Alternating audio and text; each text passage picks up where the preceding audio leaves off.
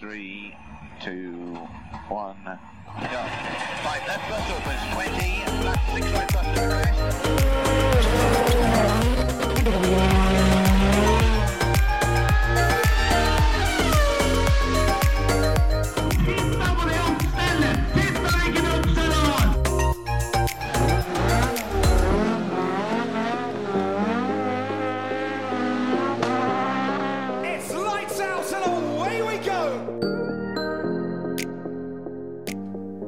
Da var vi her igjen, Hans Martin. Her er vi. Bare varses. Ja.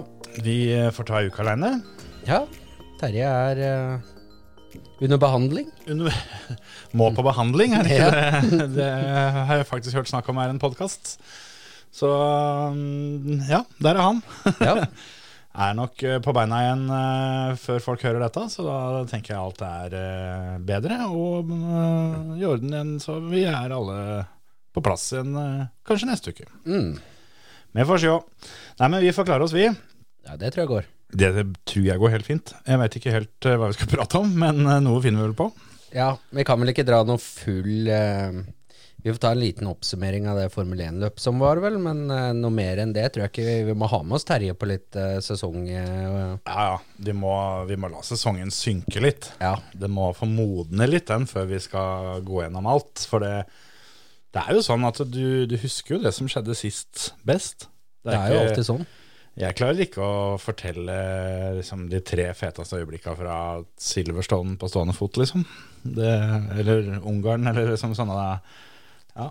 Nei, den er litt vanskelig. Må, hvis jeg tenker på sesonghøydepunktene nå, så for min del så er det de siste løpa som er ferskest. Mm. Men det var jo det siste. Det ble jo kjørt i helga på Jazz Marina i Abu Dhabi. Max Verstappen eh, fikk ikke gjort noe så dumt at han fikk eh, 500 poeng i fratrekk, så han ble verdensmester eh, som, eh, som han egentlig sikra for lenge siden. Så jeg vet da faen han skulle finne på jeg, hvis han skulle, hvis han skulle rota bort den. Nei, det skulle vært godt gjort, vel. Men han vant igjen, da. Det, det var vel ikke noe sånn superbombe, det heller.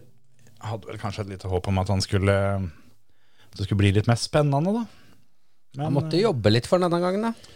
Ja, Sånn har det egentlig vært de to siste nå. ja, det er sant, det. Han øh, var jo Leclerc og han som starta på førsterekka, holdt på seg nært som vanlig. Det har blitt sånn en del ganger i år.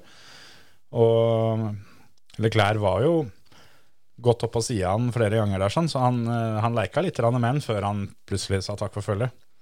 Jeg tenker litt på det. Jeg vet ikke om, om, om han gjør det litt sånn halvveis med vilje. At han ikke bruker batteriet sitt mens den andre bruker batteri. Og så er det litt spenning alt sammen. Og så når den andre, når den andre er tom for ekstra power, så bare takk og farvel. Ja. ja, det er kanskje sånn. Men hele løpet var jo så å si ganske jevnt, da. Jeg vet ikke om du la merke til det på Q3? Um, nei Det var åtte team inne blant eh, de ti. Å ja, ja, ja. Det er Ja. Det er ganske sterkt. Du mangla Alfa Romeo og Williams. Ellers så hadde alle vært der.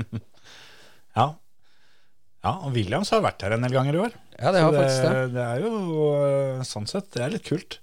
Får en liten opptur for en del team da, at de klarer å avslutte på en ok, ok måte, da.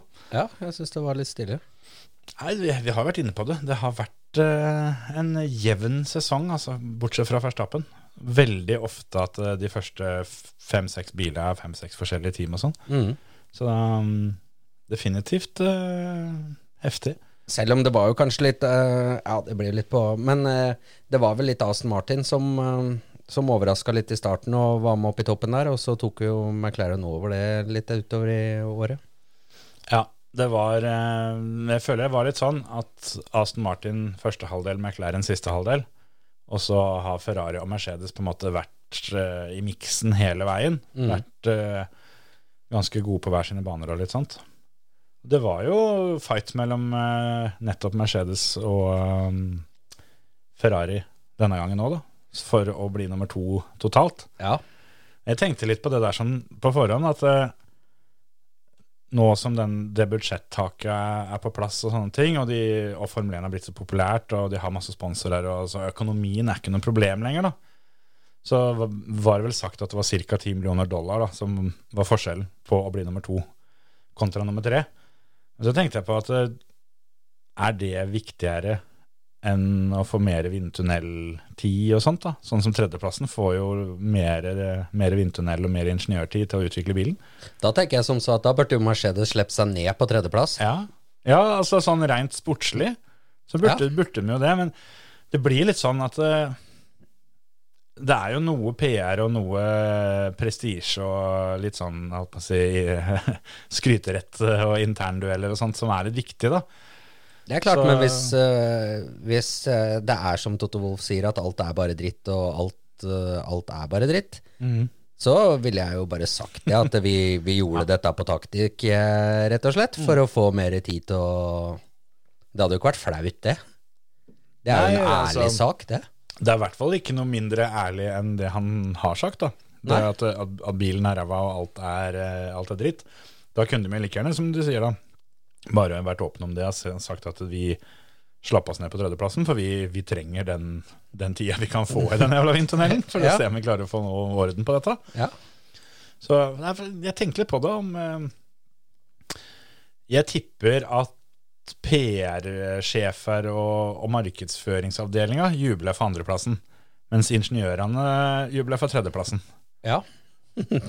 ja, ja, det må jo bli sånn. Det blir jo litt sånn som det, da. Jeg, Ja. tror. Jeg tipper forskjellen på tredje og fjerde hadde vært annerledes. Den er litt eh, det- Pallen er pallen. Pall er pall, liksom. Og jeg tror det var noe snakk om det Det var det her eh, i fjor eller forfjor, eller når det var når Ferrari hadde et så vanvittig ræva år. Som var da første gangen de ikke var topp tre i konstruktørmesterskapet ever, eller noe sånt. nå. Så, så, så det har jo litt å si, da. Ja, det er klart. Men um, Nei, Toto Wolff begynner å få, begynner å få lobbyen full av bil. Ja, det begynner å bli mye biler der, altså. Men eh, jeg veit ikke om jeg hadde følt Etter liksom alle de utdannelsene, så veit jeg ikke om jeg hadde følt at eh, det var ålreit å gå på jobb lenger heller. Altså, Nei, altså Du skal jo se alle de folka i øya da, som du egentlig basically har stått på TV-intervju og sagt at du gjør en ræva jobb. Mm. det er jo det han sier. ja, det er jo det. Det, men eh, de er vel vant til det, vil jeg tro. Og de Det er vel kanskje en sånn prestasjonskultur som gjør at hvis du ikke er enig i at det du har gjort ikke er bra nok, så har du kanskje ikke noe der å gjøre, eller et eller annet sånt. Jeg vet ikke. Men eh, ja. Så kan det hende de kjenner han litt bedre enn eh, med- enn, eh, oss to, da. Det kan jo hende at han er en sånn liten, liten lighter, holdt jeg på å si, som tenner, og så Ja. slokker han igjen. Hyggelig på julebordet, bare, Ja.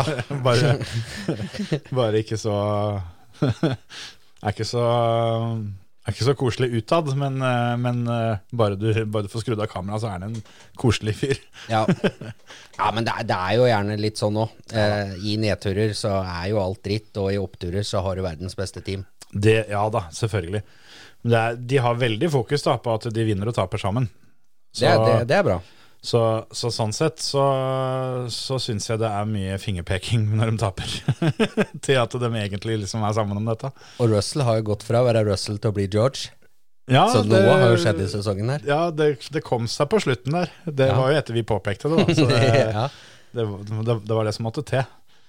Nei, så det, det, men det var jo han som eh, Det var jo han som redda dagen, for å si det sånn. Det var jo han som sikra den annenplassen. Det var det. Han eh, leverte et veldig bra løp, og ender jo med helgas prestasjoner. Da. Så på kvallen så ender Russell og Hamilton likt. Mm. Hvis du tar med sprintkvalene, så vinner Russell med én. Ja. Så for hans del så var det jo viktig litt sånn internt. Der er det jo litt kniving, da.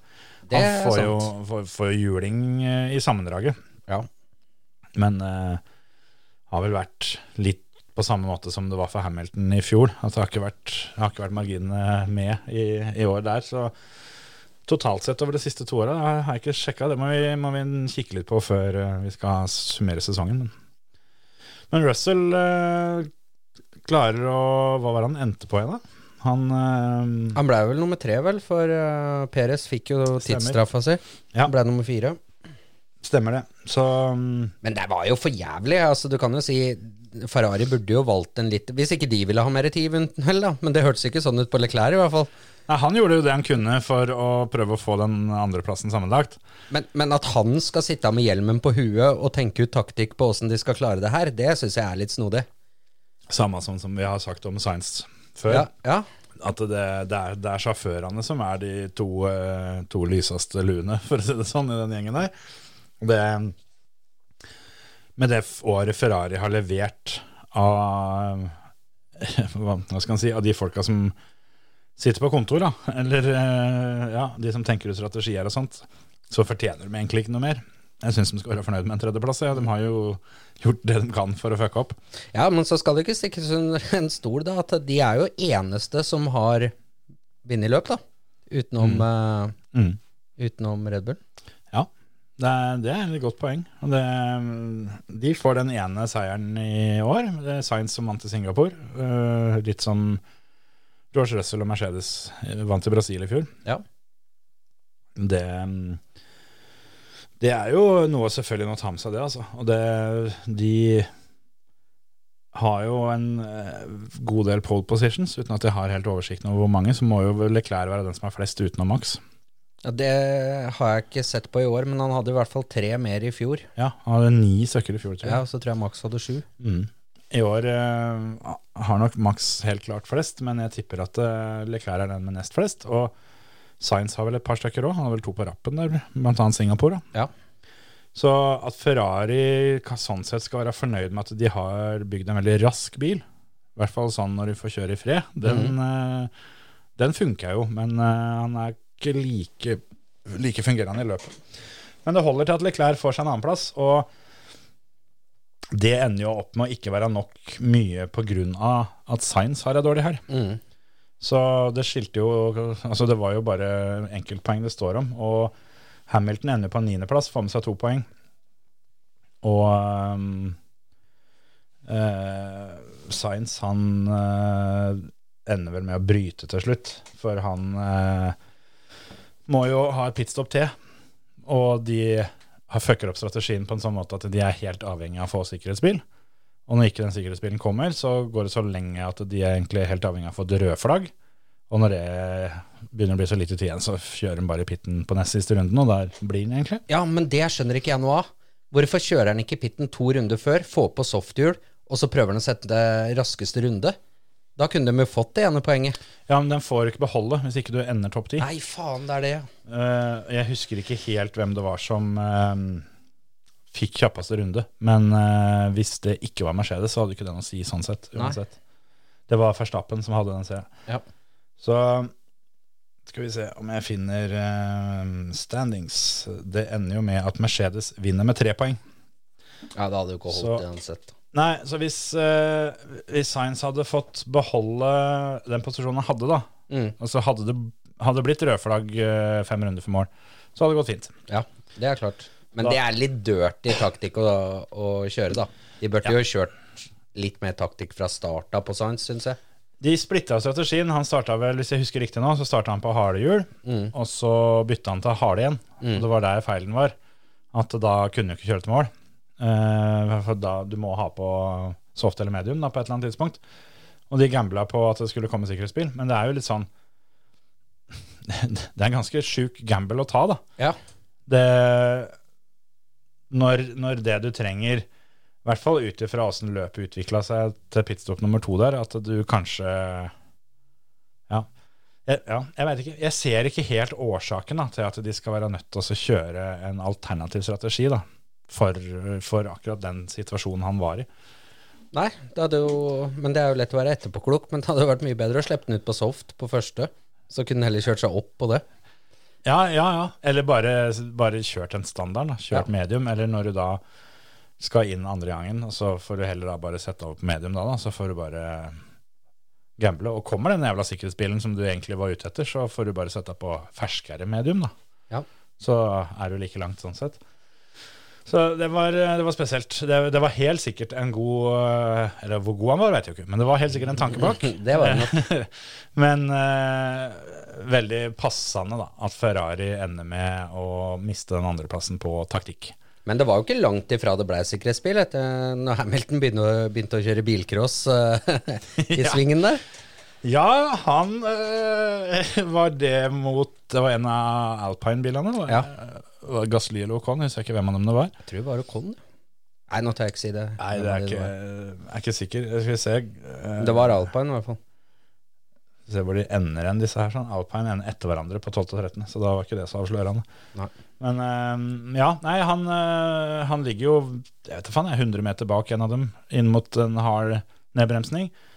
Og ender med å kitte til bilen foran i, i ræva. Og klaga på radioen over at uh, han andre, andre låste hjula, så jeg hadde ikke noe valg. Men uh, altså hvis han låser hjula, så har han jo på en måte bremsa seinere enn han normalt skulle gjort, da, vil jeg tippe. Altså, han kan, altså, behøver ikke være det. Han hadde sikkert lavere hastighet på Apex enn det han normalt sett har pga. den lockupen, men du, han var såpass langt bak da, at det går an å bruke sin egen bremspedal litt òg. Ja, han var liksom ikke en finger bak, for å si det sånn. Det var ganske langt nedover sletta der. Ja. Og holder på å kjøre på Alonso i ræva òg, mm. etterpå. Eh, Det er jo litt sånn flashbacks til et par, par år siden, det der sånn, med Hamilton som eh, klaga over at han ble break-testa.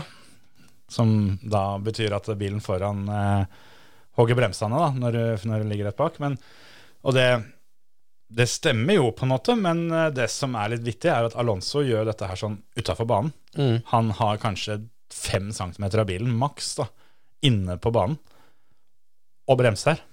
For han har vel mer eller mindre, jeg tror han har innrømt etterpå, at det han var ute etter, var jo å få Hamilton å kjøre forbi, for det var, det var DRS-strek. Det er sånn, sånn detection point, for å da ikke bli kjørt forbi sjøl, men heller slippe forbi Hamilton og kjøre forbi en gang til.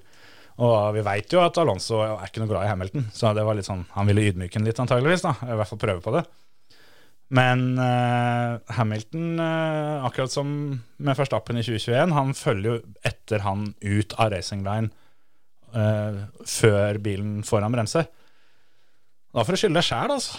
Ja, du må jo nesten det, da. Du har jo Hva faen skal du 20 gjøre, meter liksom? bane på utsida, da. Ja, ja, altså For å si det sånn, da. Jeg, jeg ville helst ikke vært fotgjenger eh, når Hamilton er ute og kjører langs veien. For, eh, for hvis, du, hvis du står godt ute i grøfta, så veit du faen ikke hva han finner på, liksom. Han skal jo tydeligvis uti der og røre, da. Ja. Han bare spratt ut i veien, han. Ja, men faen, jeg sto jo bak et tre, liksom. Ja, nei, men det hjelper ikke, det. Du spratt rett ut. Bremsetesta meg. Så, så det, er, det der, jeg syns det er jævla komisk, da. Jeg, jeg har forståelse for at Hamilton ikke, ikke vil være med på det, på en måte. Men du kan ikke sutre over det, på en måte. Da får du, da får du bare være med på leken, da. Eller så får du gi faen og kjøre på banen. Ja, altså Meldinga han ble sendt, var jo bare at han prøvde seg, liksom. Ja, ja, ja. Altså Bare kom med noe sånt nå. Du lurer ikke en luring. Eh, Følg med nå, gutter. Jeg tar den, tar den ned over sletta her. Men eh, nei, det det er, det er jævlig, jævlig sært å, å påstå at han, eh, han foran prøver å kjøre deg i hjel når han er utafor banen. Ja, den var litt i overkant. Neimen, det, det Ja, det er nå så. Eh, Alonso ender jo på en sjuendeplass. Kommer seg forbi Sunoda på slutten der, sånn, som ender på åttende. Får med seg bare fire poeng, da. Han trengte jo en eh, Jeg lurer på om det var sjette eller sjuende han måtte ha, ja. For at Alfa Tauri skulle gå forbi Williams. Han måtte ha tre poeng til, så han måtte ha sjetteplass. Og det så jo ut til å gå ganske lenge, da. Og det er jo litt sånn vittig at uh, de har jo ikke vært oppå der og, og, og jobba før nå når de endelig måtte, da. nei. Men uh, samtidig så hadde vi vel ikke tippa at Williams eh, og Alfa Tauri skulle ligge og fighte om sjuendeplass i sammendraget heller, egentlig. Men Eller jo, ja, jeg veit ikke. Det er jo sjuende til tiende som er den bolken med, med drit. Men eh, Sunoda leverer et bra løp, altså. Han, eh, han fighta det han hadde, men det holder jo bare ikke helt inn. Nei, han kjørte bra. Han leda jo lenge òg. Ja, det stemmer. Det, hadde, det, det så jeg etterpå. Det hadde han ikke fått med seg sjøl. Han var ikke sikker på om han leda eller ikke. Var det andre japaneren som har leda et Formel 1-løp? Ja, noen gang. Ja, noen ganger. det er ganske sjukt. Fikk lov å dyre rundt noen, noen runder eh, i Teter. Er vel han der eh, Sato som, Ja. eh, som leda for, eh, for mange, mange år siden. Og det mm, Nei, det er kult, det, da. Det, jeg begynner å like Sonoda mye mer. Jeg husker ikke om vi sa det på podkasten eller ikke, men jeg fikk det i hvert fall med meg for litt siden, at hvorfor han banner så jævlig. Oh. Fordi han, han flytta jo til England eh, for eh, å kjøre der, da. Og eh, en av tingene var jo at han kunne jo ikke så veldig mye engelsk. Og, og blei jo, ble jo da plassert i en sånn forstad eh, litt sør for London, hvor um, språket er ganske farverikt. da. Så når han, han lærte seg dette, så trodde han jo det var, eh, det var det? sånn, sånn det var. Så jeg husker ikke helt den der historien jeg hørte, men det var noen greier når han da kommer og, og skal hilse på en fyr litt oppi, oppi systemet. da. Så det han sier, er liksom Good day, motherfucker. den er fin. det, er liksom, det, er, det er det han har lært, da. så, så det der, der er litt uh, Litt spesielt. Ja, det var i overkant. Men det forklarer jo litt, da, at han er en, eh, er en friskus. Det er jo ingen tvil om. Så vinner jo Verstappen, da. eh, 19. løpet for sesongen. Og det gjør jo at han eh, samtidig, da Han var jo inne på radioen der og sa det at dere kan godt pitte Peres eh, før meg. Hvis dere, hvis dere vil det, da. Eh, Da ligger jo Peres på andreplass. Og så er det så langt ned til tredjeplassen at han, han rekker ut igjen før det. Men det var veldig fint hvis Peres bytta først, for da hadde ikke han vært nødt til å gi bort ledelsen sin. Nei, For så nå- han rakk 1000? Ja, så han har leda 1000, 1000 runder, altså. I løpet av sesongen som han, han har leda. Han har kjørt 1000 runder trening Ja, det er eh, i praksis. Det, Det er litt mye, klasse. Altså. altså, på spa var det 44 runder. Uh, her var det 58 eller noe sånt nå. Mm. 1000 runder er mye, altså. Det er det. Fy fader. Kjørt 1000 runder trening i løpet av 2023 og blitt verdensmester. Ja. Eller, ja Han er vel her, ja. sier 900 av de 1000 rundene har vært eh, ganske bedagelige. Jeg tror ikke han har eh, følt eh, Følt stresset så hardt på kroppen, egentlig. Men det virker jo som at han eh, At han eh, har den, den evnen at han klarer å, eh, å fokusere på andre ting. Da. At etter at mesterskapet var sikra, sånn at han fortsatt er sulten på å vinne. og Ja. Sier jo sjøl at han driter i rekorder og sånn, men ikke sikkert han gjør det allikevel. Når du har halvparten av dem, så er det jo ikke så rart snart, da. Han, han tok en ganske sær rekord, da. Og det er at han, han, han tok flest rekorder Ja, på én sesong. en sesong. Han har tatt omtrent det som er av rekorder, sånn eh, sesongvis. Så høyeste seiersprosent alt sammen. Han har jo vunnet 19, blitt nummer to to ganger bak Perez i Baku og Jeddah i starten av sesongen. Og så ble han vel nummer fem i Singapore. Mm. Så ett løp utafor ballen. Ikke, ikke verst. Den blir tung å følge opp. Så sånn sett så legger han jo lista høyt for seg sjøl for neste år. Da. Helt riktig. Men det er, jo frem, det er fremdeles tre løp han ikke vant, da. Så han har jo noe å strekke seg mot. Ja, dæven. Tenk deg Nei, det går ikke. Det. Ikke med så mange løp som det er nå. Det kan jo ikke skje at én vinner alle. Nei, Han er, altså, han er også eneste som fullførte alle runder. ja. Det òg er jo i seg sjøl helt tullete. da Komme til mål hver gang. Mm. Og det sier jo ganske mye om Red Bull òg. ja, det gjør det. Det er totalpakka. De er, de er best på så mange forskjellige ting at uh, summen av det blir jo det vi har sett i år. Det er uh, helt overlegent. Så nå er vel uh, noe sånn Young Drivers-testing og litt sånt som skal skje, og så er det vinterferie. Ja. Det bør jo bli en forholdsvis rolig vinterferie, for det meste er jo satt for neste år. Det er vel eh, Logan Sergeant sitt sete er vel ikke bekrefta. Ellers så tror jeg alt er i boks. Mm. Så er det jo denne her eh, sagaen med Peres. Ja, men jeg tror han blir en sesong til, eh, altså. I hvert fall tungt, eller tyngre, å få sparka han når han ble nummer to i VM. da. Ja, det er jo det. Kan nok hende at uh, Det er tre runder Max ikke har vunnet, og han har vunnet to av dem. Mm. Og blitt nummer to sammenlagt osv. Ja, men eh, vi veit jo at Red Bull har vært uh, beinharde på sånne bytter før. da, Og gjort det midtveis i sesongen, senest i år, i Ja. Alfa Tauri. Nykter Vris ble jo bare skibba ut. Alfa Tauri skifta navn til Racing Bulls for 2024. Ja, er det bekrefta nå? Ja. Ja. Det, Tøft. De skal bli mye Eller gå tilbake igjen da, til å bli veldig mye mer eh, lik Red Bull. Bruke mer deler og gjøre mer av det de har lovt der. For det de siste åra nå så har de jo vært helt, helt adskilte, eh, bare delt på motoren. Og utvikla sine egne ting og alt det her sånn. Det har jo gått så som så. Det har nå, gått så som så, ja. nå var det vel Frans Tost, han teamsjefen, eh, ga seg jo nå. Ja. Så sånn sett så er det bra timing å gjøre noe annet. Han øh, Holdt på å si Det er jo ikke nødvendigvis en fyr du kommer til å savne så mye, for han var, var ikke så veldig synlig, men jeg hadde litt sansen for han. Han øh, var liksom en sånn bestefar som øh, er, den, var vel noe sånn som en tredel av feltet. Har jo starta karrieren sin i teamet hans. Mm. Så det, det er, blir spennende å få inn noe nytt nå der, da. Og det har jeg sett for sånn som McLaren, eksempel. Han der Andreas eh, Stella, eller hva han heter for noe, han eh, nye der, har jo fått ting på rett kjøl. Og ser jo ut som at, eh, at Ferrari òg kommer seg fælt, da. Nå som han Vasør har fått litt tid på seg, så begynner det å bli bedre, i hvert fall. Det gjør det. Jeg tror vi kan få en knallsesong neste år. Altså. Nå begynner de andre å ja, ta litt innpå. Selvfølgelig, altså, Red Bullen har jo vært den beste bilen, det er jo klart det, men han er jo jævlig god til å kjøre bil òg, da.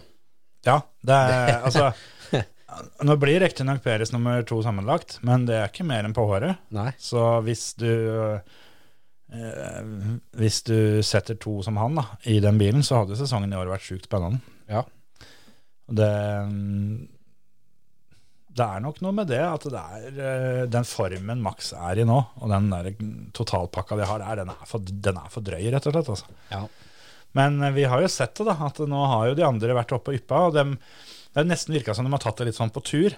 At enten så er det Leclerc eller, eller Science noen ganger, da, eller så har liksom ja, vært litt Alonso i starten av året, og Hamilton har vært på pallen en del ganger. og så har vi fått McLaren inn i miksen. Det, Ja. det er tøft, altså. Det er sånn det, sånn det skal være. Og det, jeg tror ikke det er så veldig mange sesonger hvor en har tenkt sånn på det at det, hvem som skal bli nummer to, da, for å si det sånn. At det kan være så mange forskjellige førere som ikke ville vært en overraskelse. ja, det ble litt tilbake til kvalen. Ja, Q3-en der, med åtte forskjellige team. ja. ja det, er, eh, det er helt sykt, altså. At vi har eh, ja, Red Bull, Mercedes, McLaren, Ferrari og til dels Aston Martin. Da. Altså det er fem team da, som alle sammen eh, ikke ville være, er noe som bomber, at de soper en del pallplasser. Apropos det, er Strål bekrefta neste år? Han har jo aldri blitt avslørt åssen kontrakt han har, eh, så ingen veit når den kontrakta går ut. Det er jo bare en sånn evighetskontrakt, på en måte, så lenge far eier teamet. Ja. Men det jeg har sett at de skriver eh, rundt omkring, så er det, er det på en måte ikke noe spørsmål om han skal kjøre eller ikke. Det er bare okay. Sånn er det bare. Ja. ja Hvor sliter man neste år da? Ja. Han var jo litt tilbake på, på norm nå. Mm. Ja, han um, fikk jo poeng nå, da. Ble nummer ti. Ja, han gjorde det. Så han var ikke mene så vidt. Var, var under sekundet foran um, Ricardo over mål. Så det gikk på håret. Vi kjørte siste løpet i Formel 2 òg, nede i Abu Dhabi. Der uh, var det Jack Doohan som vant siste hovedløpet. Han uh, har vært litt eh, artig å følge i år, men det er jo Theo Porcher da, som vinner Formel 2 sammenlagt. Det var på nippet, det òg. Vestlig var på der. Ja, det kunne blitt spennende der, altså. Det kunne det. Det, eller det var jo spennende. men- Han gjorde det han kunne, da. I hvert fall den der siste før mål der, holdt jeg på å si. Det, Ja. Det var litt bilcross over den òg. så du har liksom ikke noe å tape, da. For det, Duen med seieren sin går jo forbi i Vasa, så han tar jo tredjeplassen sammenlagt. Men det var langt derfra og um, opp, opp til Vesti, eller ned, Det det. ned fra Vesti. Så han hadde liksom ikke noe særlig å tape. Men uh, Porcher gjør det spennende da, ved å kvale utafor topp ti. Og ja, måtte jobbe, jobbe skikkelig gjennom løpet der. Og ja, eh, ha elleve poeng da, når, eh, når man telte opp ferdig til slutt. Men han var jo Dennis Hauger sin eh, nemesis for noen år tilbake, da, året før Formel 3. Så um, var jo de to som uh, kjørte uh, Var det tyske Formel 4? Jeg husker ikke helt, men de, kjørte samme, samme mesterskapet sammen. Og da var det Porcher som vant foran Hauger. Og de to liksom fulgte hverandre en del. Eh, og nå er Porcher Formel 2-mester, men det er jo da i sitt tredje år i Formel 2. For han hadde bare ett år i Formel 3. mm. Så han kjørte ikke Formel 3 det året Dennis vant. Så Dennis blir jo tredjeårs Formel 2-fører neste år. Så da, da får vi se. Men forskjellen er at Porcher ble nummer fem første året, nummer to i fjor og nummer én i år. Mens Hauger ble jo nummer ti første året og nummer åtte i år. Så spranget opp er større, for å si det forsiktig. Det er det, men jeg syns han gjorde en grei levering i helga. Ja da, han, eh, han, han gjorde det. Ender på fjerde og sjuende, er det det? Kalla inn seks, og så blir han fire i sprinten og sju i hovedløpet. Så det er noe bra å i hvert fall avslutte med doble poeng. Da. Ja. Kan jo nevne det også. Um, hvor var det jeg fant den, da? Uh, uh, ja, samme kan det være. Men de har kjørt Formel 2-test i ehm, denne uka her, sånn, eh, i Abu Dhabi. Og der der, der, der de forsvant jo det for meg. Jeg var sikker på jeg hadde det her, hvor eh, de tiende var. Men eh, Hauger var i hvert fall med oppi der. Der tenker jeg vi fant det. Der. På formiddagssession så ble Hauger nummer sju. Og ettermiddagen så ble han nummer seks. Han får sjette beste tid. Men Prema-bilene var uh, overlegent kjappest på ettermiddagen. Så de uh, blir nummer én og to. Oliver Bearman er kjappest. Men det som er litt gøy der, er at nest kjappest er uh, Andrea Kimi Antonelli. Han har ikke kjørt Formel 2 før. Hoppa rett i bilen. Det er han som kommer fra, fra mm, samme konkurransen som Martinus Stenson. Han som vant, uh, vant det foran, Ja, han- foran Martinus. Jeg syns jeg kjente igjen det der Antonelli-navnet, ja. Ja, Så han hoppa jo over, over Formel 3 og går rett til Formel 2. Eh, det er jo ikke så dumt det med tanke på at Formel 2 får nye biler og sånn fra neste år, så da utjevner jo det veldig mye av, eh, av fordelen da, til sånne som Hauger og andre som har kjørt Formel 2 før. Den Det klart. blir utligna, så han hoppa rett dit. Men det, den, den, denne testen var jo da med årets biler, som de andre har kjørt i år, så han hoppa rett i den og er nest kjappest. Så det er en, eh, det er en figur, altså. Han kan jo være greit å følge med på. Og det er de som, eh, de som har fulgt med på han eh, i gokart-tida, sånn, har har visst vært totalt overlegen hele veien. Jeg tror nok vi finner han i, i en Formel 1-bil snart. Han er jo italiener i tillegg. Ja, og eh, er i programmet til Mercedes. Der eh, fikk jeg med meg det, at det var um, den som har fått kreden for å ha funnet han, uh, var jo da James Vowles, han som nå er teamsjef i, i, i Williams, som har vært i Mercedes uh, ja, siden starten, eller helt siden Braun-tida. At det var han som på en måte er kreditert med dette, da, men eh, det var visstnok da noen familiemedlemmer av en, en ansatt på gulvet da, som, som på en måte spilte den inn. Men det at det er James Walls som, eh, som på en måte fant den, eh, det gjør jo ikke mulighetene mindre for at han kan få seg et sete i Williams. Det er klart, men så er det liksom litt sånn med de norske øynene nå, da. Altså, det er jo Det er jo han Martinus har kjempa med i år, da. Ja, Det, er- det er jo litt uh, Ja, ja. et lite tankekors, det òg. ja definitivt. Det, de to har, um, har skilt seg ut litt der nede, som dem har kjørt. Og hvis Martinus henger på han, og han er så god, så er jo tydeligvis Martinus ganske god òg. Det, altså, det er det jo ikke noe tvil om.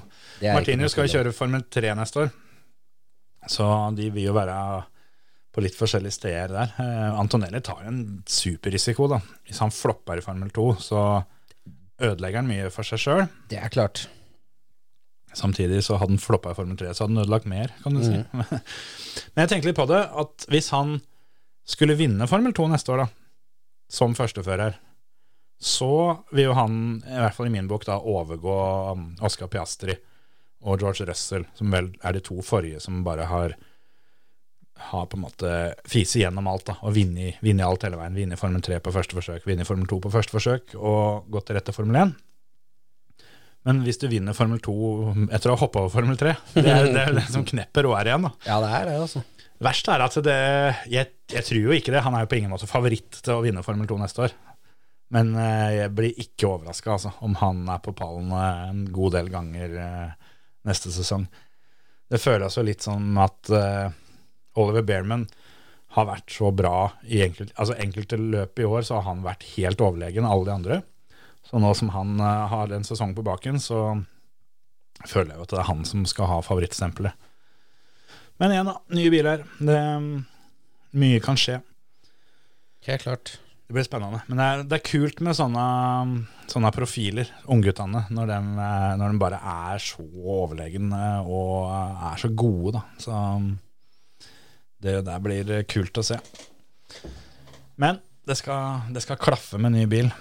Får håpe det i hvert fall at det blir en suksess da, av dette bilbyttet. At ikke det ender opp med å være noe ræl som bare blir Fokuset blir på bilen istedenfor på føreren. Ja, for i år har jo Prema vært ganske overlegne.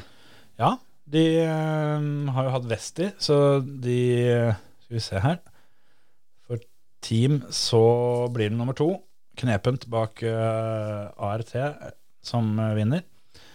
Så Prema har liksom kommet seg litt tilbake igjen, da. Hadde jo um, en liten nedtur um, i fjor, når Dennis kjørte der.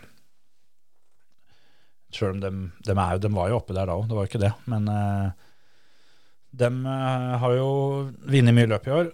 Vesti vant jo veldig mye mer løp enn det Porsche gjorde. Porsche vant vel bare ett løp hele sesongen.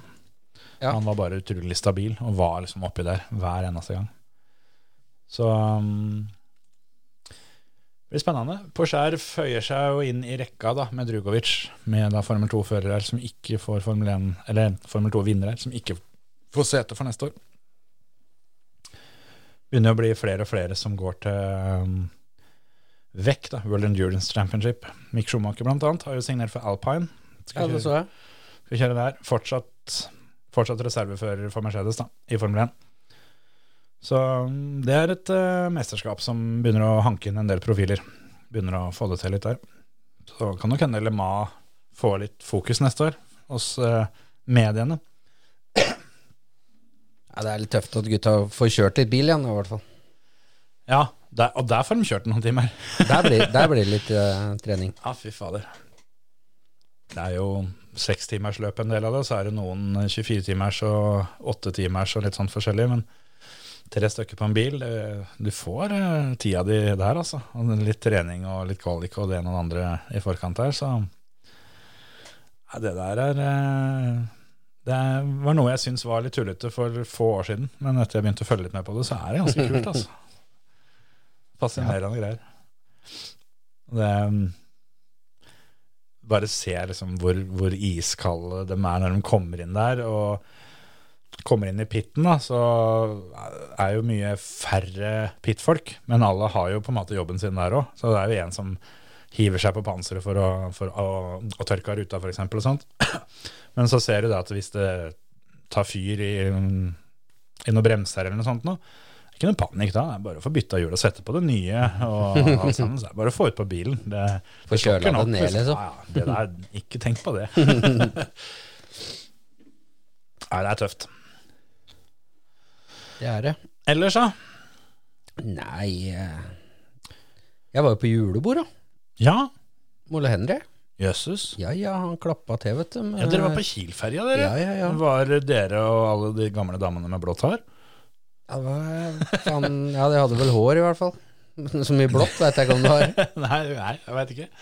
Nei, men det er, det er kanskje ikke så ille på Kiel-ferja som det var på Petter Wessel i gamle dager. Nei, det tror jeg ikke. Nei, det var uh, ryddige forhold, altså. Ja, Så vi storkosa oss. Var på show òg. Var på show, ja. Ja, ja, ja. Det var vel eh, var jeg sist gang jeg var med den båten. Og det følte jeg var noe jeg egentlig var med på litt sånn for å få tida til å gå og egentlig bare si ja til noe. Men, Men det var litt gøy. Ja, det var, det var egentlig ganske kult. Ja, det var det, altså.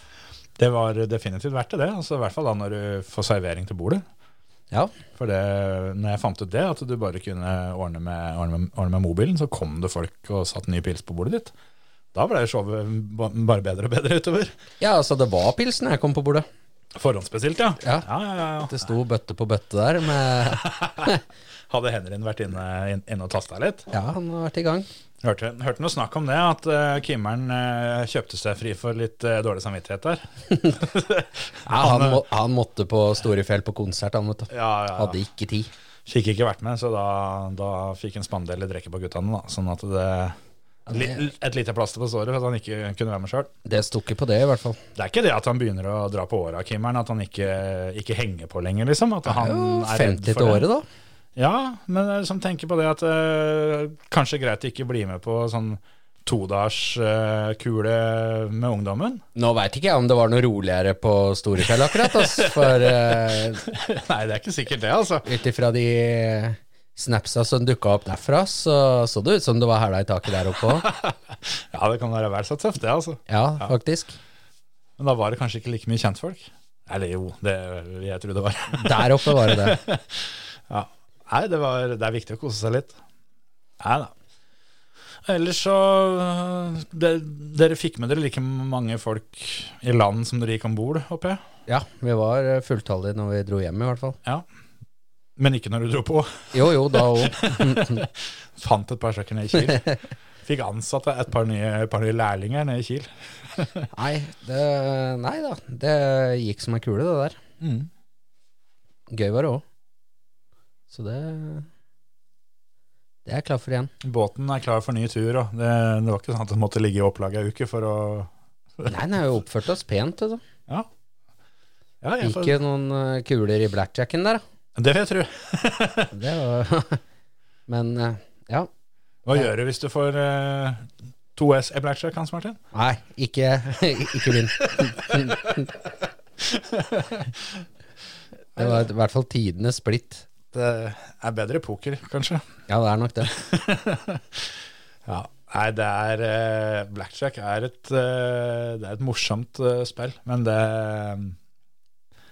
det, det er frustrerende greier, altså. Ja, det er litt det. Det er, men selvfølgelig jævla moro hvis du sitter i flyten, da. Ja da. Det er litt sånn Det er alltid én som bare klarer ikke å tape uansett hva faen han gjør, og så sitter det noen andre der og prøver så godt som kan. Ja, hvem tror du det var?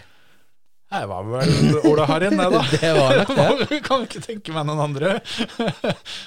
Jævla kortflaks, eh, den gutten. Så han eh, fikk sopa inn eh, litt i bud, budbudsjettet for neste år. Ja, det tror jeg nok. Det var vel til et par crossspillere når han dro hjem, i hvert fall. Ja, Godt det, da. Ja, det fortjente han. Ja, det må vi, det må vi bare unne, rett og slett. Han fortjente den. Godt å avslutte med en opptur der òg. Ja, ja, ja.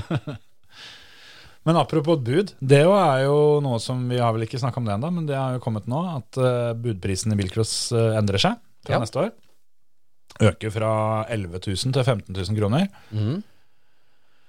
Og ellers ikke så mye endringer. her. Den skal gjelde i to år, minimum. Eh, Så 2024 og 2025-sesongen blir det 15 000 kroner for bilen.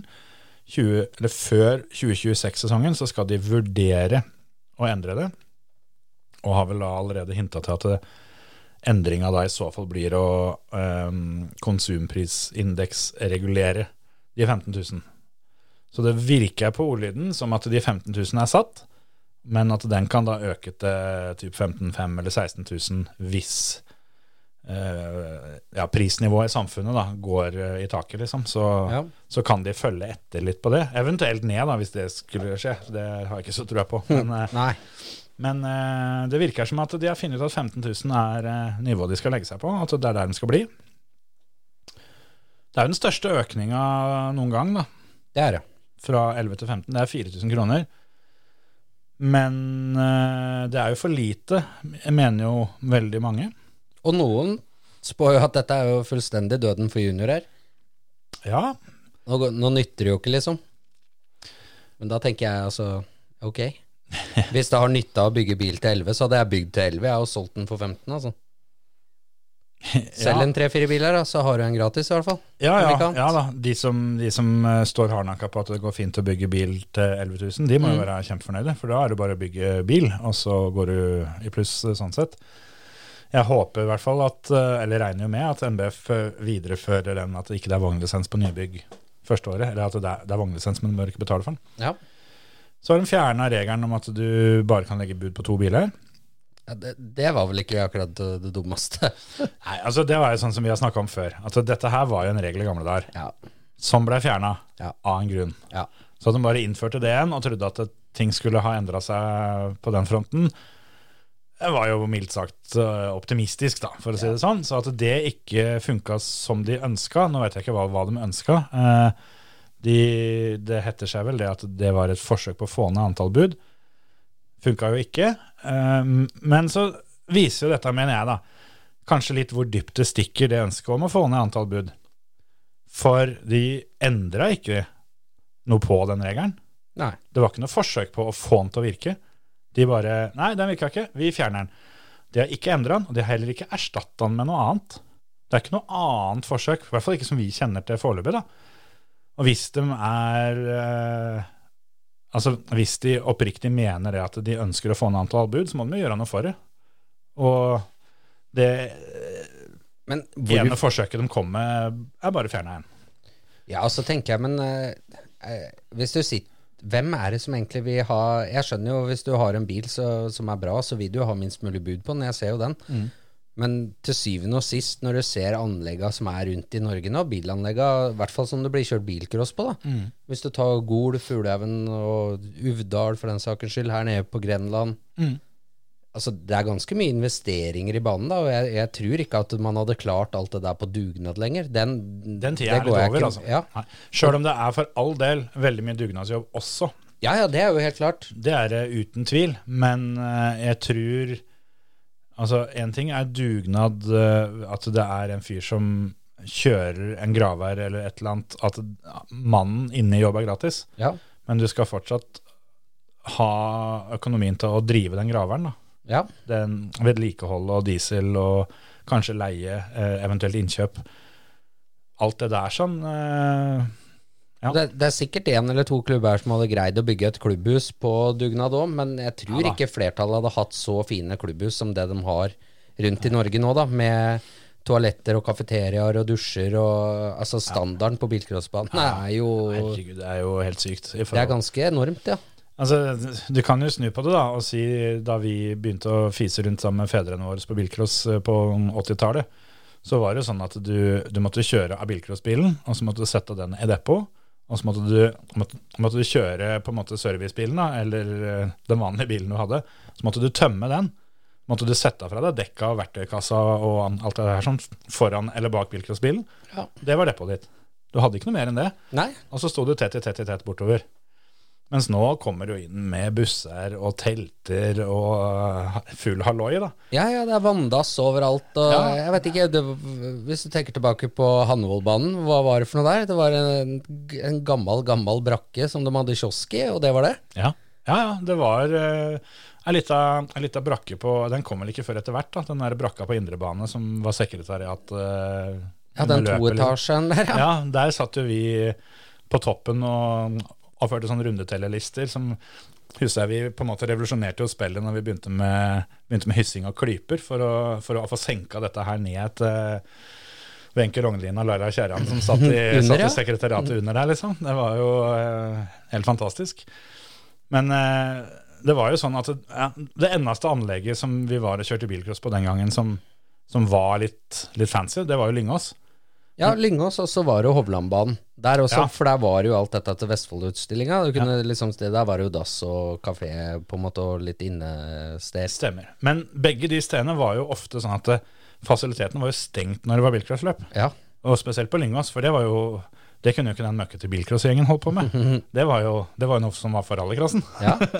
Så vi har kommet et stykke. Nå har vi selvfølgelig holdt på i noen år, da, så det skulle bare mangle at det ikke gikk framover. Men du har veldig godt poeng det. At uh, vedlikeholdet, og ikke minst av banen eh, i seg sjøl Nå er det jo stort sett asfalterte svinger nesten overalt. Og det er jo litt Det, det syns jeg er litt kjipt. Det er jeg litt enig i. Den er litt, eh, den er litt kjip. Det burde vært et krav at det var en ordentlig grusing, sånn som på Sigdal. At den ja. Uvdal òg har den vel, på en måte, når de kommer ut av velodromen og ned Ja, det, jeg lurer på om den er asfaltert blitt, den òg. Bare at de legger grus på den, eller hva? Ja, i hvert fall Innerste sporet er jo Ja, i praksis som Men jeg, jeg lurer på om ikke de asfalterte innerste sporet der.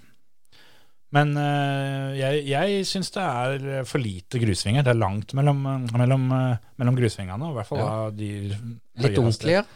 Sånn som alternativen på Momarken, liksom. Den er Ja. jo jævlig rå.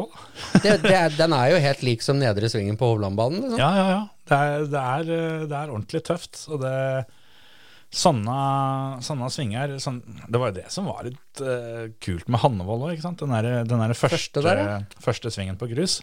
Den blei jo oppkjørt og jævlig, men det var jo Sånn var jo bilcrossen. Ja, det var likt for alle, og sånn, eh, sånn var det, som du sier. Og hvis de fikk det til den gangen, så skulle en jo tro at utstyret da i hvert fall ikke er noe dårligere. Nei. Men uh, da var det på en måte litt mer akseptert at det kunne hende det gikk et fjørbein som rett og slett røyk pga. forhold. Forholda, ja. Men uh, det er klart at klubbene de trenger jo inntekt, men eh, jeg, jeg veit liksom ikke Det er veldig mye hyl og skrik, og mange spår jo bilcrossens død og det ene og det andre, men det er jo liksom, det føler jeg Det har vi jo holdt på med siden midten av 80-tallet. Ja, ja, ja. Den der debatten der har gått lenge, og vi ser jo nå at Altså, for en del år siden, da, sånn som mm, før vi begynte, og den tida da vi begynte og sånn, så var det jo flere som kjørte liksom over 20 løp i året. ja, ja. Det er ikke så veldig mange som holder på med lenger. Det er nesten umulig å få til, da. Ja, det er, det er noen uh, få navn jeg syns dukker opp på alle startlister hver forbanna helg. Så det er jo noen enda, men, men det er nok på et budsjett som er ganske annerledes enn det det var den gangen. da. Men Ja.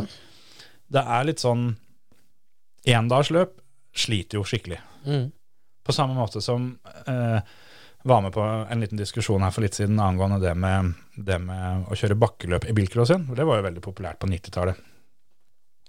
Men som jeg sa da, at jeg, jeg klarer ikke helt å se hvem det er som stiller opp med bilcrossbiler for å kjøre bakkeløp, i og med at det er, er så mye bud. Mm. Det at bilen din blir borte for å kjøre et bakkeløp. Det er jo samme årsaken til at folk ikke kjører endagsløp.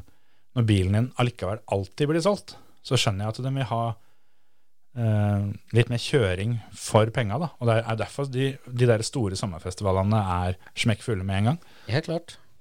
Men det har vi snakka om før òg, at eh, hvis de absolutt vil bedre litt på kåra der, sånn, så er det ikke noe Det er ikke umulig å si at det bare er bud, bud på finalebilene, som også er en regel som var en gang i tida. Mm.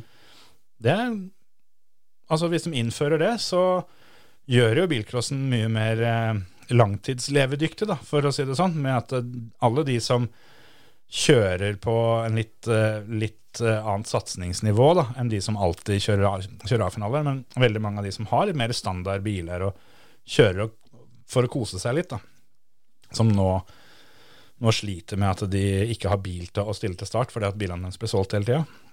De vil jo da kunne kjøre løpet til løp etter løp. Og så den dagen bilen blir solgt, så har du i hvert fall kjørt finale. Og har en opptur på den måten. Ja, det er det ene. Så, men eh, frigjør alt sammen mer, da vel? Få med deg stol og seler og sikkerhetsnettet, det er det, liksom. Mm. Rattet blir i bilen, og dekka og felger og spacer og alt. Det er, Sånn var det jo før. Du gambla jo. Sto du der og skulle kjøre A-finale, så ja, faen, tør vi satse disse hjula, eller? eh, Mm. Eller skal vi sette på Nei, vi prøver vel å vinne, liksom. Ja, da kjører vi med de hjula. Får vi heller miste dem. Ja, det er jo også sånne regler som har endra seg ganske mange ganger opp, opp igjennom. Men jeg, nå har ikke jeg vært så veldig aktiv og kjørt så mye løp sjøl de siste åra nå, men eh, fra, sånn som jeg ser det, så må jo dekka må jo være noe av det dyreste som er nå. Mm. Fordi de er dyre i innkjøp, og de holder ikke særlig lenge. Så ja, det er jo noe annet. Så Jeg, jeg har hørt veldig mange som har sagt det at når du ikke lenger fikk lov å kjøpe, kjøpe brukte dekk av rallycross-gutta, som i tillegg holdt veldig, veldig mye lenger, så endra ting seg veldig. da, Det ble veldig dyrt. Jeg husker jo det da jeg kjørte sjøl. Du måtte liksom ut med 10 000 kroner for hjul da, for å, Ja. for å kjøre. Og Så jeg syns det, det er rart ikke den debatten dykker opp, at det, at det er det som er med ødelegger og fordyrer, liksom. Ja, ja, og så er det som du sier, stadig vekk nye ting da, som du får lov å ta av den bilen. Ja. Som gjør at han som får den, han, han må kjøpe, eller, eller, eller de som skal begynne, da, de må investere mer. Sånn at, at terskelen fra, fra gata til startplata blir stadig høyere. Da. Mm. Og det er den terskelen eh, en skal være bekymra for hvis en, er, hvis en tenker at bilcrossen dør ut. Så er, Ja. jo, er jo avstand fra ikke noe til, til, eh, til startplata som, eh, som må være så liten som mulig. Ja, for det, det er jo ikke sånn nå lenger at du kan gå og kjøpe deg en bil, eh, låne stol og seler deg en kompis og en dress, og så går det.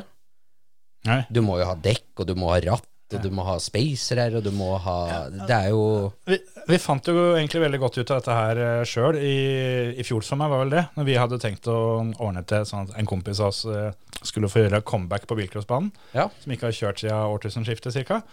Så vi, vi fant en bil som vi tenkte at eh, ja, ja, den bilen er jo dyr, eh, men eh, vi, vi finner en løsning på det. Vi får 11 000 igjen etter løpet, og liksom fant ut hvordan vi skulle ordne med noen sponsorer og sånn. Tenkte at jeg kjøredress og kjørestol og sånt, det får vi jo lånt litt her og der, men så er det jo, ja faen, er det dekka? Ja, så er det, det balla stadig vekk på seg, Ja. da. Du oppdaga stadig vekk mer ting at faen, det må vi ha, det må vi ha, det må vi ha. Og det blir mye greier, altså. Ja, og hvis dekket hadde fulgt med, så kan du bare frigjøre hele dekkreglementet òg. Kjør med hva faen du vil, du mister dem allikevel. Ja, ja. Det blir jo sånn som alle andre mulige deler som, eh, som har vært. Men eh, jeg ser jo på en måte poenget der òg, med, med den der debatten med at eh, du vil, du vil ha det billigere, men du vil ikke Altså, du vil ikke ofre noe, sånn som det med å fjerne ballast baki, f.eks. Men, altså, men du, må, du må ha ballast, hvis ikke så får du ikke poweren i bakken. Men hvis du skal gjøre det billigere, så må du kanskje gå ned på poweren. Da. Altså, på et eller annet sted, altså, har jo, var det vel inne på den bilsportskonferansen, så var det jo et tema det med å forby, forby dogkasser, f.eks. Selv om jeg mener at det ville vært en sær regel, for da har du egentlig bare, bare drept Volvo og bobla, og så er det god tur til alle de andre. Ja. Men, men det heller går jo ikke akutt ut, for at uten det så ryker jo girkassen hele tida. Men det er jo igjen for at du har for mye power. Og det er jo det at når du har for mye power, så Altså, power koster penger. Ja, og, men det, også, og det er jo litt sånn òg Jeg syns i veldig stor grad at eh, de som roper høyest i kommentarfeltene om at eh, budprisen må opp, er i veldig stor grad de som har biler som Altså, de hadde ikke Altså, de har ikke stilt til start med en bil de har bygd sjøl til 20 000 kroner omtrent noen gang. I hvert fall ikke på ti år. Det er jo biler til dobbelt så mye som det uansett. Så for dem, om det er 11 eller 20, er ikke det som redder skuta, på en måte. Jeg føler at det er veldig, veldig mye rop fra de som stiller med veldig dyre biler, som er med å dra, dra dette veldig opp, da. ja. Og det er helt fair, det. De må gjerne ha den meninga. Men eh, ja det, Men så er det et lite antiklimaks der òg, da. Fordi at jeg tenker som så at uh, en som bygger en bil, mm. uh, og bruker da kanskje 150 timer på å bruke en bil, det er kanskje lite òg, faktisk, men ikke sant? Står i garasjen, ferdig på jobben klokka fire, pang, pang, Ja, inn i garasjen, ja. Mm. holder på. Og så har du da sånn typ sånn som meg, da, som jobber skift og er av gårde hele tida. Jeg kan jo ikke drive og bygge en bil hjemme. Nei, da, tar det, da tar det litt tid, for å si det sånn. ja, og da må det jo være Det må jo være lov, føler jeg, altså lovlig lov, hvis du skjønner, uten kritikk, at jeg går og kjøper den bilen av han for en dyr penge. Ha- Han som står i garasjen sin fra klokka fire Ja, ja. og jobber til klokka ti hver kveld, han skal jo også ha betalt. Jeg jobber jo på min jobb der borte, men jeg har ikke tid til å, Ja, men- å bruke tida mi i garasjen. Ja, Så det er klart, jeg må jo betale han 25 000 for den bilen. Det sier seg sjøl, det. Ja, jo, men ja, og det, det er jo sånn, sånn mener jeg det er på veldig mye annet, annet i hverdagen. da, At hvis, eh, hvis jeg skal mm, ha malt huset mitt, da, så er det, er det kanskje like greit at jeg istedenfor å henge på veggen sjøl, er på min jobb og tjener penger, Ja. og heller betaler en som kan ha mala. Ja. For han skal jo òg tjene penger, ikke sant? Ja. Og for hvis, hvis alle skulle gjort alt sjøl hele tida, så hadde det jo på en måte butta litt eh, for noen, da. Ja, da, da hadde vi jo ikke hatt alle Altså, bilcrossen er jo helt fantastisk. Ja. Du har folk um, Direktører i dress, holdt jeg på å si, og du har uh, bilmekanikere. Du har, du har, det, er jo, det er jo alle. Ja, ja, du har jo alt fra skoleungdom til, Ja. til direktører, som du sier. Ja. Det, um, det, det når alle, og det som jeg syns er fint med det, er at det, det, er for alle, uansett forutsetninger og alt det her sånn. Mm. Det er dyrere å ikke kunne skru bil. Da må du nødvendigvis betale noen andre for å gjøre det. Mm. Men da, igjen da, så de som skrur bil tjener jo da kanskje noen kroner på det. Eh, det, det også er det veldig sjelden du hører om at eh, sånn som en bilbygger eksempel, som har litt inntekt på si på det der sånn, som at bilcrossen da genererer en del inntekt som vi aldri hører om òg, da. Ja. Det er, det er ikke med i den her debatten. Men det er jo selvfølgelig utenom. Det er jo akkurat det samme som at hvis, hvis du øh, jobber svart på din jobb, altså ikke nødvendigvis svart, da, men altså jobber på si, da. ja. Men det, jeg tenker òg det at det, det, er, det er jo ikke meninga, føler jeg, at du skal gå i pluss på å bygge en bilcrossbil. Altså jeg Har sett i flere kommentarfelt mange, mange sammenligninger da, med at du, du får ikke en eh, Får en fiskeslukende som blir borte når du er på fisketur heller. Liksom, at all, all hobby koster penger, på en måte. Og det Jeg syns det, det er fair å si det. At du kan ikke forvente at du skal kunne drive med bilcross og være bilbygger og gå og komme ut med balanse i regnskapet, på en måte.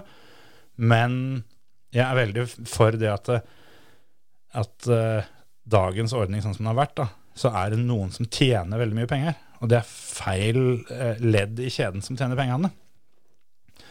Så der mener jeg at det burde vært gjort noe som gjerne kommer da bilbyggerne til gode. Og jeg mener jo sånn som den ordninga som Smålørfestivalen begynte med i fjor, å gi 50 kroner eh, budet tilbake, ja. er veldig fin. Jeg skulle ønske meg en ordning hvor kanskje bilbyggeren på en eller annen måte ble tilgodesett med noen kroner. Men det, det blir han jo på en måte litt nå, da, for hvis han Jo, men nå stiller du likt da, om du har bygd bilen eller om du har kjøpt bilen. Jo, jo. For sånn som hvis du bygger en bil, så kjøper jeg den, eh, og så kjører jeg med den, med den neste løp, og så er det jo jeg som får pengene på løp nummer to, liksom. Mens en eller annen ordning hvor den som førstegangsregistrerer bilen, får en andel, eller, eller får, det, får den femtelappen, er stønn framover, da. Ikke bare det første løpet nødvendigvis. Det syns jeg hadde vært en interessant teori å jobbe litt rundt. Ja. Nei, Ja. Jeg tror ikke nødvendigvis vi kommer til å se så veldig mye færre bud i 2024, sjøl om eh, budprisen økte. Det er jo ganske mange der ute nå som eh, økte verdien på søpla bak låven, for å kalle det det. jeg tror det er faktisk sånn at du kommer ikke til å se nedgang på bud før jeg er tilbake på å putte pengene i konvolutten igjen. Jeg kan jo hive inn, nå kan jeg hive inn bud på ti biler, ja. ja. og så får jeg alle ti. Men de åtte siste de hadde jeg ikke råd til, så de går tilbake til eieren sin. Jeg fikk to. ja, ja. Eneste forskjellen nå kontra når det var 11, er at uh, differa- altså, det, er ikke, det er ikke like garantert overskudd ved å ta med seg bilen hjem. For det var jo sånn den sesongen som, uh, som har vært nå, at hvis det starter og går, og altså, du får alltid solgt det for over, over 11 000. Ja, ja. Det er ikke sikkert det er like lett å selge for så veldig mye mer enn 15 hvis det er en drittbil. Nei, det er klart. Mens det var det når det var 11. Ja. Så der kan det hende at eh, mye av dette her er sånn som, sånn som når fattern stilte med en dønn original eh, Opel Ascona 1,6 liter som ikke var gjort en dritt med, liksom. Så var det fem, fem forskjellige som hadde bud, bud på den bilen på det første løpet. Det er ikke sikkert blir like spennende lenger nå. Nei. For det Jeg tror fortsatt at det, det aller meste som har, eh, som har gått gjennom teknisk, er verdt 15 000. Absolutt. Men differansen blir litt mindre, da. Så kan hende at det mest standard blir litt mindre aktuelt å kjøpe. Det er klart. Så tror jeg altså det er litt flere som har kjøpt en del bil nå i år, siste halvdelen, etter at det kom ut at, at budprisen skal øke. Så er det mange som tenkte at det da vil jo i hvert fall øke et par tusen kroner, og da har du jo fått et par tusen i rabatt bare der, altså. Så alle Ja, jeg gjorde jo sjøl fire lapper på strandbilen. Ja, ja, ja. Nei, jeg hadde fem bud på noe, da. Ja. Budkonvoluttene som eh, du var så vidt inne på, de er jo verdiløse nå. Ja, det der, det er en skam.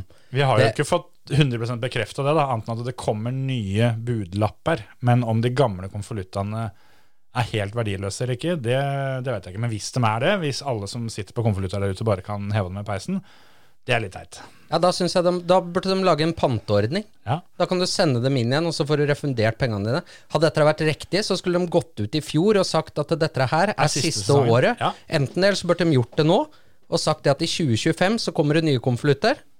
2024 kjører vi den samme som vi har. Ja. 2025 kommer det nye. Ja. Tenk deg klubber og sånn da, som har kjøpt Ja. inn uh... Ja, I hvert fall med tanke på alle, alle fadesene rundt bud som, som har vært. Så er det helt sikkert klubber der ute som har kjøpt noen tusen konvolutter. Ja. Og hvis det bare er søppel nå, da hvis, Men vi veit jo ikke, da. Det kan godt hende det er sånn at du kan levere den tilbake og få tilbake pengene dine. Hvem veit. Men eh, ja, det håper jeg. det, jeg tenkte akkurat det samme, at dette her blir et lite leven om hvis det er sånn at eh, det plutselig bare er, er bestemt mellom sesongene. At det, de er ikke verdt noe lenger. De skal vi ikke bruke. Ja, det er jo på grensen til svindel. Ja, det, det er jo litt sånn som å, å selge gavekort, og så plutselig så sier du at gavekorta dem er ikke gyldig lenger. Å ja, du har det gamle fra i fjor. Ja, men det står jo her at det er Nei, nei, vi har bytta, liksom. Ja, ikke sant? Det går ikke an, vet du. Nei, så Det der er spesielt. Men uh, det blir nå gjort noe. Det digitale systemet jobbes det videre med. Uh, jeg har ikke fått noe bekreftet der heller, men jeg har vel hørt noen rykter om at de har endra leverandør. Eh, veldig lite offisielt, men det kan vel være i hvert fall noen, noen rykter som hinter i retning til at det er um, Ågedal, er det det de heter? Altså ja, det de- er påmeldingssystemet. de som har VRM-påmeldingssystemet, som er i hvert fall veldig vanlig i vår ende av landet. Så det er de som uh, kommer med digitalt budsystem. Ja, de vant denne anbudsrunden.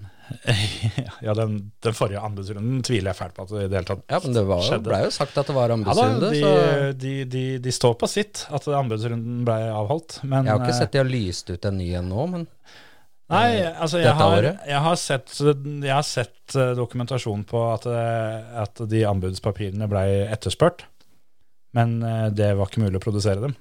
Nei. Så eh, det får eh, de som orker å grave i sånt, eh, gjerne gjøre. Men jeg orker ikke å åpne den boksen der med ormen, altså. For fy fader. Men, men ja, det skal i hvert fall være muligheter for digitale bud når sesongen begynner igjen. Jeg har ikke sett noe offisielt rundt det annet enn det, at det systemet skal utvikles videre. Og så at det da blir de nye budlappene, da, som er, er helt nye, som da skal være backup-løsning. Men tror du da det går an å få det sånn at man kan ha en storskjerm foran på premiebordet, og så sier vi at nå trekker vi bil nummer én, og så går hjulet på storskjermen, pang. Jeg nummer håper 14, ja, så kikker Altså- vi ned. Kjetil Flåten. Ja, ikke sant? Altså, altså der igjen, da. Eh, sånn som reglene er formulert nå, så er det jo spesifisert veldig åssen dette her skal foregå. Men der håper jeg egentlig at de kan gå gjennom dette her litt på nytt, og så kanskje la arrangørene der ute få lov å være litt kreative. Innafor visse rammer, selvfølgelig. Men sånn som hvordan, hvordan selve trekninga og alt dette her sånn gjennomføres, da. Innafor forsvarlige rammer, så la nå folk gjøre dette og på en måte la folk finne ut hva som fungerer best sjøl. Ja, for, For det der, der hadde, hadde helt sikkert fungert bedre. I hvert fall bedre enn å sitte to timer i en campingstol og, og tromme med fingra. Ja, men jeg syns trekninga skal være offentlig. Jeg syns ikke at det, man skal sitte oppå et kontor to stykker, og så trekker vi, og så Jeg stoler ikke på det. Nei.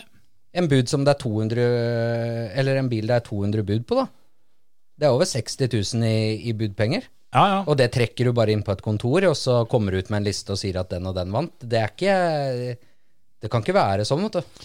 Nei, altså du kan jo gjerne ha trekninga sånn at den Men jeg, jeg er veldig for at det, det skal være digitalt, da. Men det blir jo det samme som når når, når det er lottotrekning på TV hver lørdag. Du, du har jo ikke noe garanti for at det du sitter og ser på, er den eneste trekninga. Det kan hende de har trukket eh, sju ganger, men velger å vise den Det er vel litt strammere rammer rundt Lotteritilsynet når det gjelder lottotrekning, enn hva de gjør på bilcrossspill. Det er det absolutt, så, så, så det er jeg veldig enig i at, at det burde Jeg vært. kan jo høre med Lotteritilsynet åssen de ville trekke det her. Ja, jeg tror, jeg tror du gjør bilcrossen en bjørntjeneste. Å la det være, ja. Helt for, riktig. For det eh, Lotteritilsynet er ikke involvert her, og da hadde det ikke blitt gjort sånn som det har blitt gjort fram til nå. Det kan jeg i hvert fall garantere, for de hadde stengt ned dette her sånn ganske kvast. Ja, og, det, og derfor så syns jeg det skal være Selvfølgelig, den der å stå og lese gjennom alle, det, det er jo en ting, men i hvert fall at trekninga ja. Sånn at du i hvert fall veit at ikke den bilen du har hatt bud på, den ble trukket to ganger fordi det var en eller annen som kjente en eller annen som Ja da, hadde ja. Ikke sant? ja da, det er jeg, er helt enig i. Og så kan det- man jo godt si det at man kan jo jukse med lappa nå, men uansett, det, det skal litt, da skal du være litt mer fingernem ja. når du står der framme og så får lurt unna de Ja da, jeg, jeg, jeg er 100 enig med deg. At uh, det er Det vi har sett av det digitale systemet så langt, gir ingen grunn til at vi skal stole på det. Så de må jo på en måte vinne den tilliten tilbake. Og da må det jo være et system som det går an å stole på, før vi skal stole på det, på en måte. Ja. Så det blir spennende å se. Det finner vi nok ikke ut før til våren. Eh, Det, Men for all del, digitale bud er jo helt Det, kan, det får jo ikke blitt bedre enn det å få et sånt system som fungerer. Ja. Det er jo helt topp. Ja da, det er framtida. Så hvis de da klarer å følge etter med digitale vognlisenser, føler jeg også er tida er moden for. For det å vil kunne åpne så veldig mange spennende dører, da, med tanke på eh, ja, alt mulig rart. da, Både med oversikt og, over alle bilcrossbilene du aldri ser igjen, og alt det her sånn. og ja, det er, altså, det er en grunn til at vi har det for alle gatebilene. Det, det er veldig sært at bilcrossbiler skal liksom være fra, eller unndratt offentligheten, med tanke på hvor mye penger det faktisk er snakk om totalt sett her. Mm. Så Pluss at det hadde gjort ting så veldig mye enklere. Du kan lage belønningsordninger, du kan gjøre så mye som er positivt ut ifra det. Og du kan fjerne veldig mye negative ting. Mm. Så det mener jeg er det neste logiske steget, og aller helst da lage et digitalt system som har alt dette her i samme pakka. Det er ikke umulig. Det er veldig mange andre som får det til, så hvorfor skal ikke bilsporten klare det? Men nå har ikke jeg hatt uh, bilcross, eller jeg har jo en lisens da, men, eh, på en bilcrossbil, men eh, den har ikke jeg sett på. Men er det sånn fremdeles at uh, du har lisensen i handa, så hvis du får en merknad på lisensen din, ja, så kan jeg ringe inn til Bilsportforbundet på mandag, så kan jeg si det at «Øy, faen, jeg har mista lisensen, som jeg gud veit hvordan ble med i vaskemaskin, så får du en ny en i posten. Så er du kvitt merknaden, Ja, det er, sånn som i gamle dager. Jeg har ikke hatt så veldig mye lisenser de siste åra sjøl, men, men, men ja, jeg tror det. Jeg tror det er litt strengere. Jeg tror du må ha årskontrollanten, må sende inn litt papirer på nytt og litt sånne greier. Jeg tror, tror det er litt mer styr enn det var før. Ja. Men uansett, øh, jeg fikk jo høre det for noen år tilbake når jeg kjørte litt hardt på det at hvorfor er ikke vognlisensene digitale? Og da fikk jeg jo til svar fra NBF den gangen at det var ikke mulig fordi eh, det var eierskifte så ofte, og da spesielt med disse anmerkningene. da. Åssen skulle du gjort det? Men det er jo nettopp derfor du skal ha det digitalt. Det er veldig lett å bli kvitt de anmerkningene ellers, i hvert fall. ja, ja, det er akkurat det. Nei, nå har vi holdt på godt over timen, Jensen, så jeg tror vi får gi oss. Vi får det. oppfordringa til folk eh, må være når dere er ferdig å høre på oss nå, så er det bare å komme seg inn på YouTuben og så søke opp Royal Albert Clark Rally, som eh, Oliver Solberg har vært og kjørt i helga. Han brøyt dessverre med gående drivaksel på SS28. da leda han med 5 15 minutt. Det der er altså eskortporno på høyt nivå, altså. Så der er det bare å kose seg med inboards og publikumsetapper, eh, eller videoer, alt sammen. TikTok og YouTube, alt sammen. Det er så mye rått, da. Og Ja, det er det. Når, du, har- når du har sett deg lei på eskort der, så må du bare finne fram den, den der Stratosen som kjørte der borte. Fy faen, altså. Det er så rått. Og øhm, vi øh, masa vel litt om det forrige uke. Vi får mase litt nå. Hvis dere fryser på øra, så ta kontakt med oss og kjøp ei lue av oss. Så blir vi veldig glad, og du slipper å fryse. Ja. Greit. Hei da. Hei da.